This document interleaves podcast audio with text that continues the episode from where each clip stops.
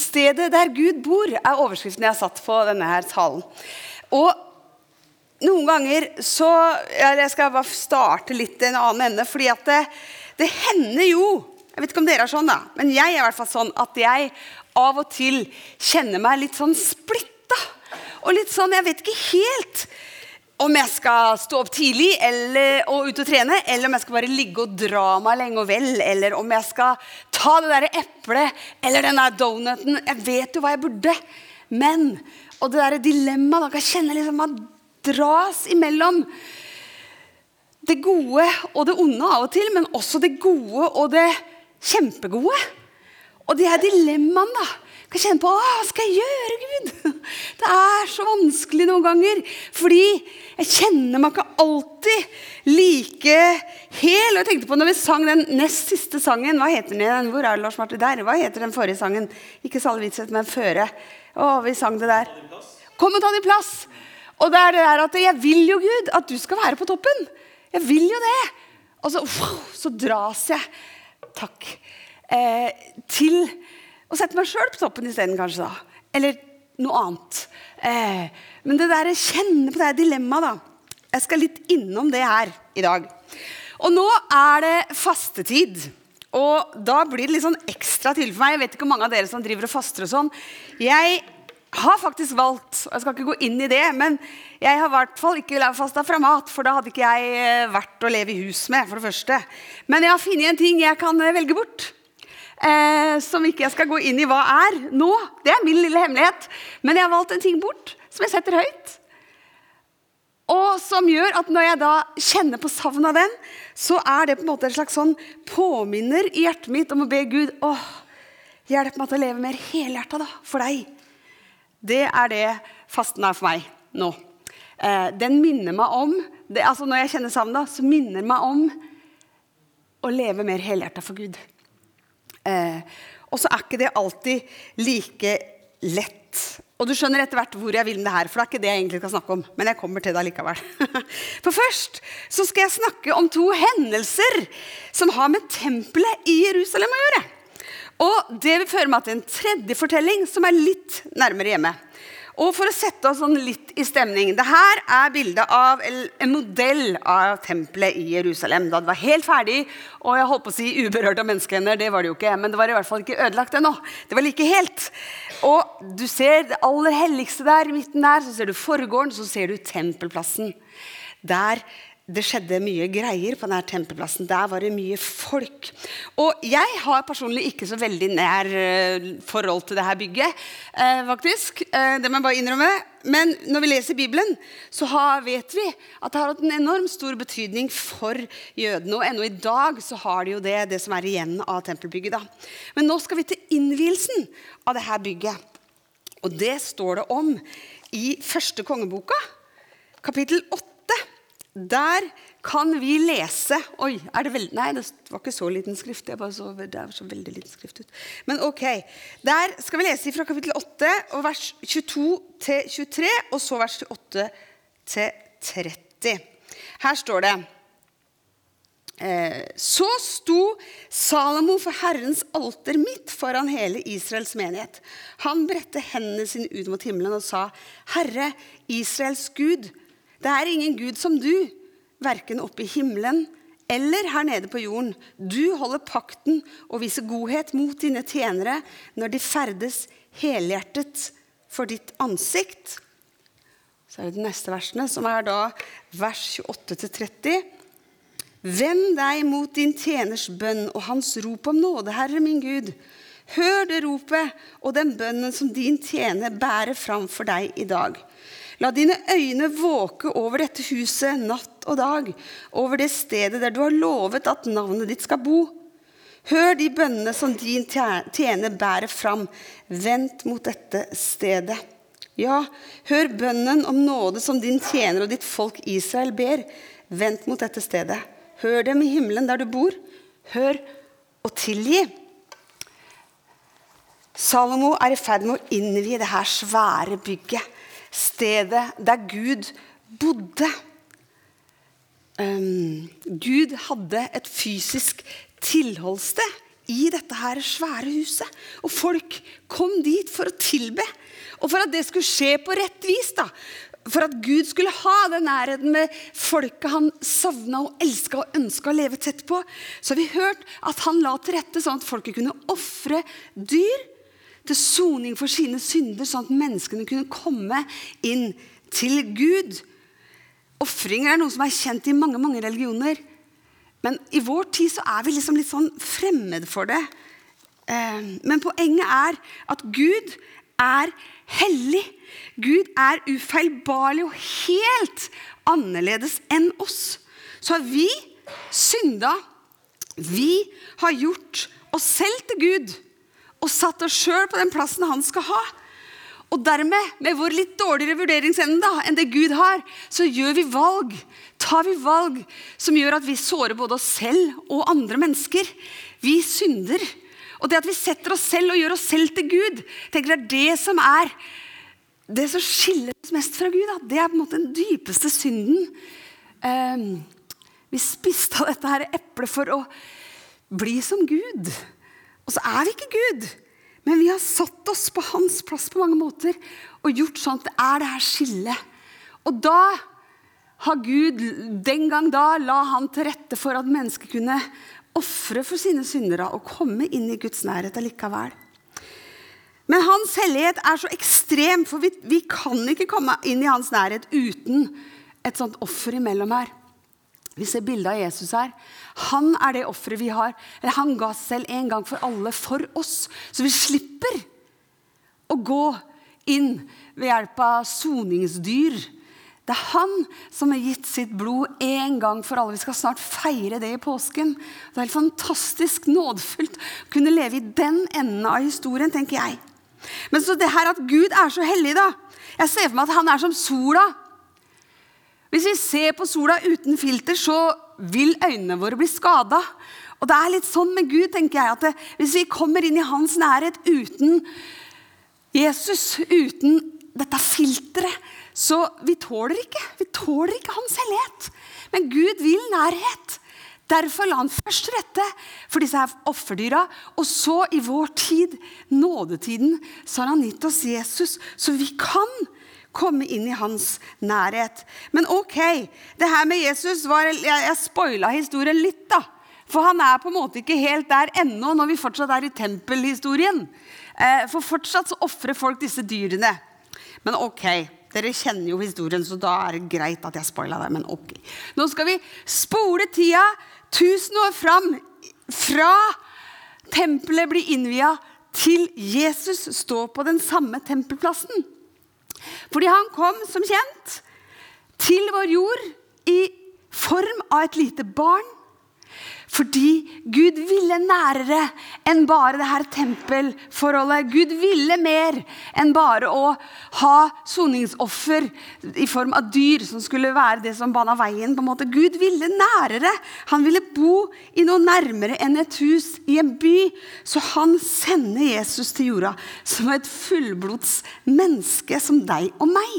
Og hvis vi stopper litt der, da Gud sender seg sjøl i form av Jesus Kristus, sin sønn, som fullt menneske. Det er jo et mysterium å være fullt menneske og fullt Gud. Og vi kan dvele ved det hele livet tror jeg, uten å komme til dybdene helt og fullt i det. Men jeg tror det er sant. Han var full, fullt ut Gud. Han var fullt ut mann. Han var et menneske. Og det at han var et menneske, det gjør at han sier ja til det å være menneske. Han sier ja til deg. Jeg kan være 100 meg. Jeg bør ikke prøve å være Gud og sette meg sjøl på en eller annen trone. Jeg kan la Gud være Gud, og så kan jeg være meg. Så er det klokt, et klokt menneske som har sagt at det, vår menneskelighet det er vår eneste kontaktflate med Gud. For vi er ikke Gud, men vi er mennesker. Og det vet Gud. Så derfor blei han menneske. Så vår kontaktflate med Gud er at vi er mennesker. Og det synes jeg er helt fantastisk befriende.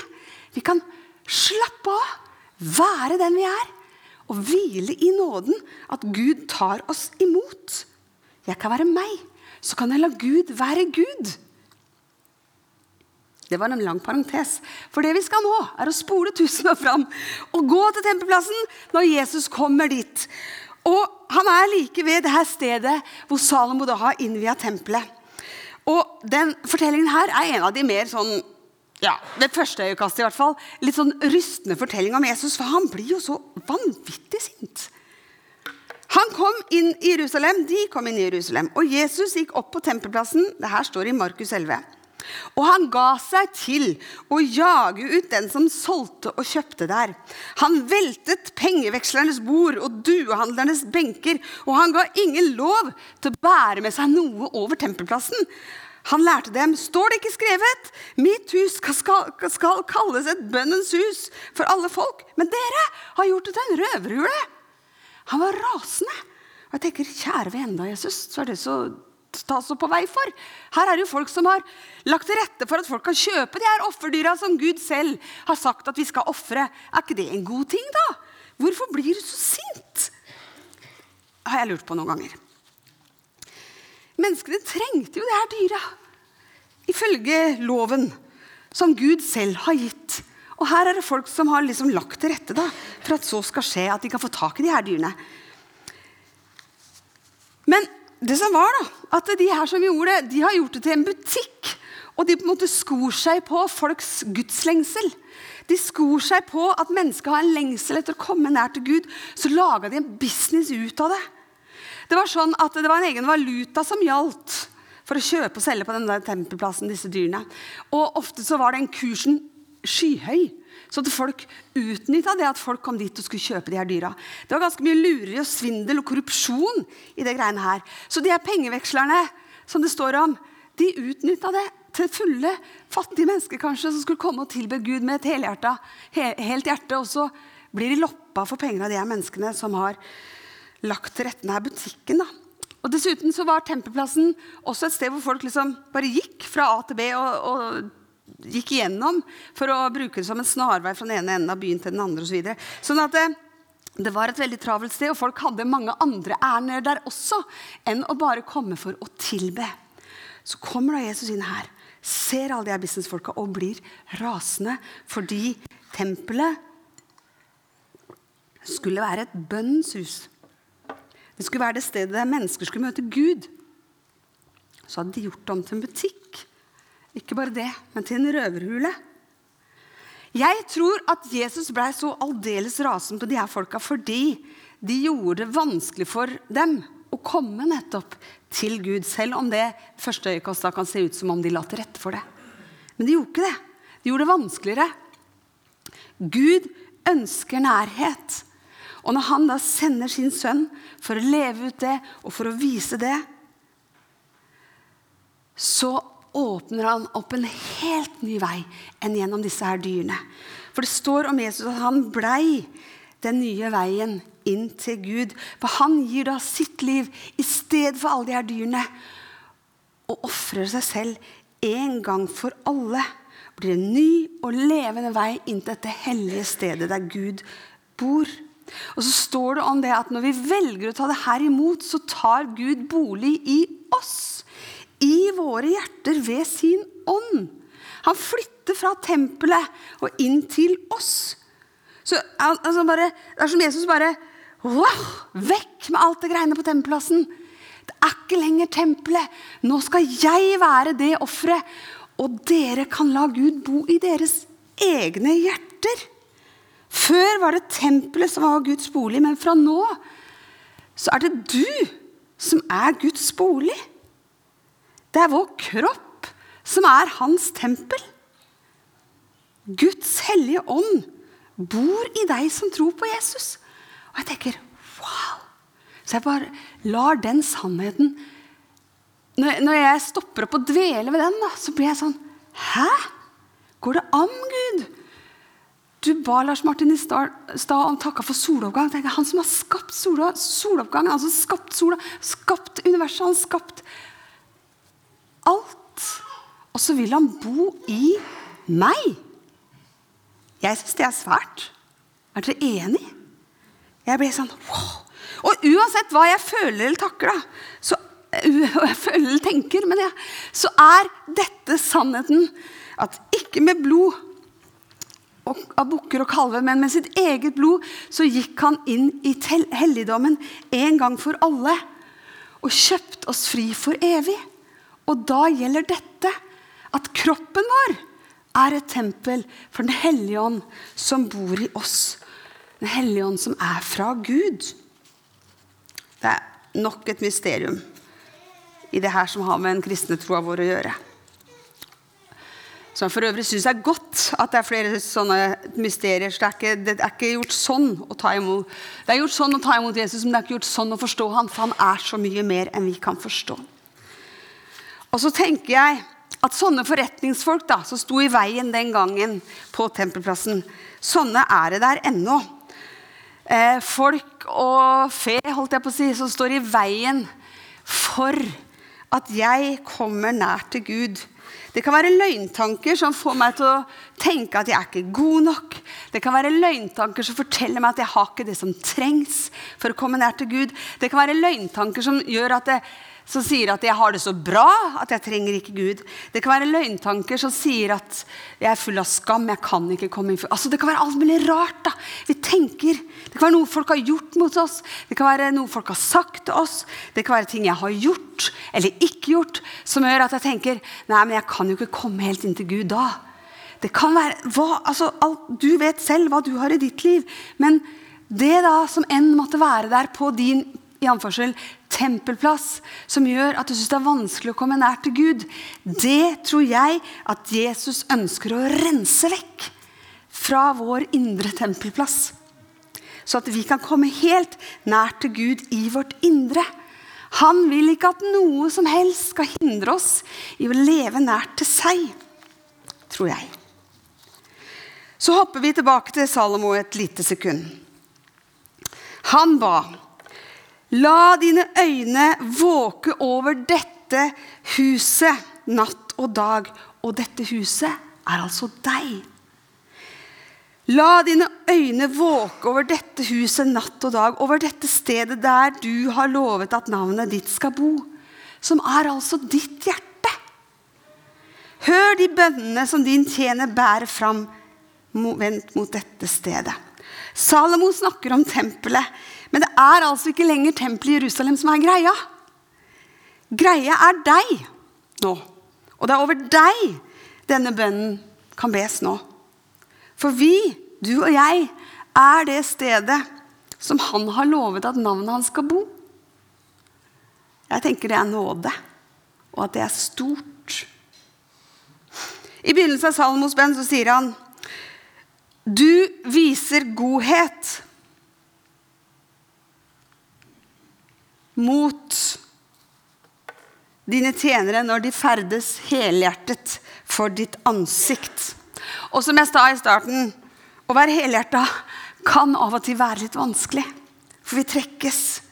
Jeg sa noen banale eksempler i stad, som mat og trening eller Ja. Men det kan også handle om så mye dypere ting enn det. Det kan handle om å være jeg ønsker å være hensynsfull og rekke ut hånda mot de som lider, men i praksis så går jeg bort og bruker pengene mine på helt andre ting. Eller det kan være at jeg ønsker å tenke rett om både meg sjøl og andre, men i praksis så tenker jeg skitt om både meg sjøl og andre. Eh, og så videre. Det er så mange ting som gjør at vi kjenner på disse dilemmaene. Da, som gjør at jeg kan kjenne det som Paulus sier er sant. Det jeg vil, det gjør jeg ikke. Og det jeg ikke vil, det gjør jeg. Altså, vi vakler og vi vingler, og vi er sånn hit og dit. Jeg ønsker å være helhjerta. Og vi strekker oss etter det, selvfølgelig. Men dypest sett så tenker jeg at det, vi alle trenger at tempelrydderen, Jesus, kommer og renser opp og rydder opp og hjelper oss å prioritere rett. da. Hjelper oss til å leve helere, sånn som vi dypest sett ønsker å gjøre. Og som sagt, fastetiden er her nå. Og jeg tenker at det kan være en gyllen anledning til å la seg på en måte kalibrere litt da, inn i de her tingene her. Eh, være en sånn hjelpetid til å sette oss sjøl på litt sånn rette stedet. Eh, Tempelrydderen Jesus vil ta bort det som hindrer oss i å leve helt, og til å komme inn til Han. Og så tenker jeg at han er så full av nåde. Så når han inviterer oss inn til å stå frimodige foran Herren Gud, så gjør han det fordi han har gjort det mulig pga. sitt offer en gang for alle. Så har jeg et viktig poeng til slutt her. Og nå kan dere godt komme fram. Og det er det at eh, tempelrydderen Jesus, da, i min indre tempelplass, hvor det er mye rusk og rask av og til Han ber ikke meg om å rydde den plassen før han kommer. Nei, han kommer til tempelplassen. Han tåler mitt rusk og rask. Som sagt, han tåler at jeg er menneske. Han tåler Han kommer til tempelplassen mens det fortsatt er kaos. Og så rydder han. Jeg må ikke rydde først. Han kommer meg i møte midt i det livet vi har. Så kan vi slippe Jesus til. Og så kan vi la den bønnen Salomo ba den gangen, gjelde også for oss. En bønn om å leve helhjerta for ham, og en bønn om å la hans navn være nevnt over dette stedet, som er hjertet vårt. Nå skal vi høre på en sang, synge med. Be sangen 'I Speak Jesus', som er nettopp det. Jesu navn nevnt over vårt liv, vår familie, byen vår, jobben vår, hjemmet vårt. Alt vi er. I speak Jesus. La det her være en stund der du sier til tempelet rydderen Jesus Åh, her har du meg, altså. Rens det som trengs å renses, vær så snill. Så gjør han det på en nådig måte. Du kan godt gå ned i forbønnshjørnet hvis du har lyst til å ta imot forbønn eller tenne et lys. Du kan sitte i benkeraden. Være. Vi er i hvert fall i bønn innenfor Guds trone. Med hele oss. Vite at Gud tar oss imot.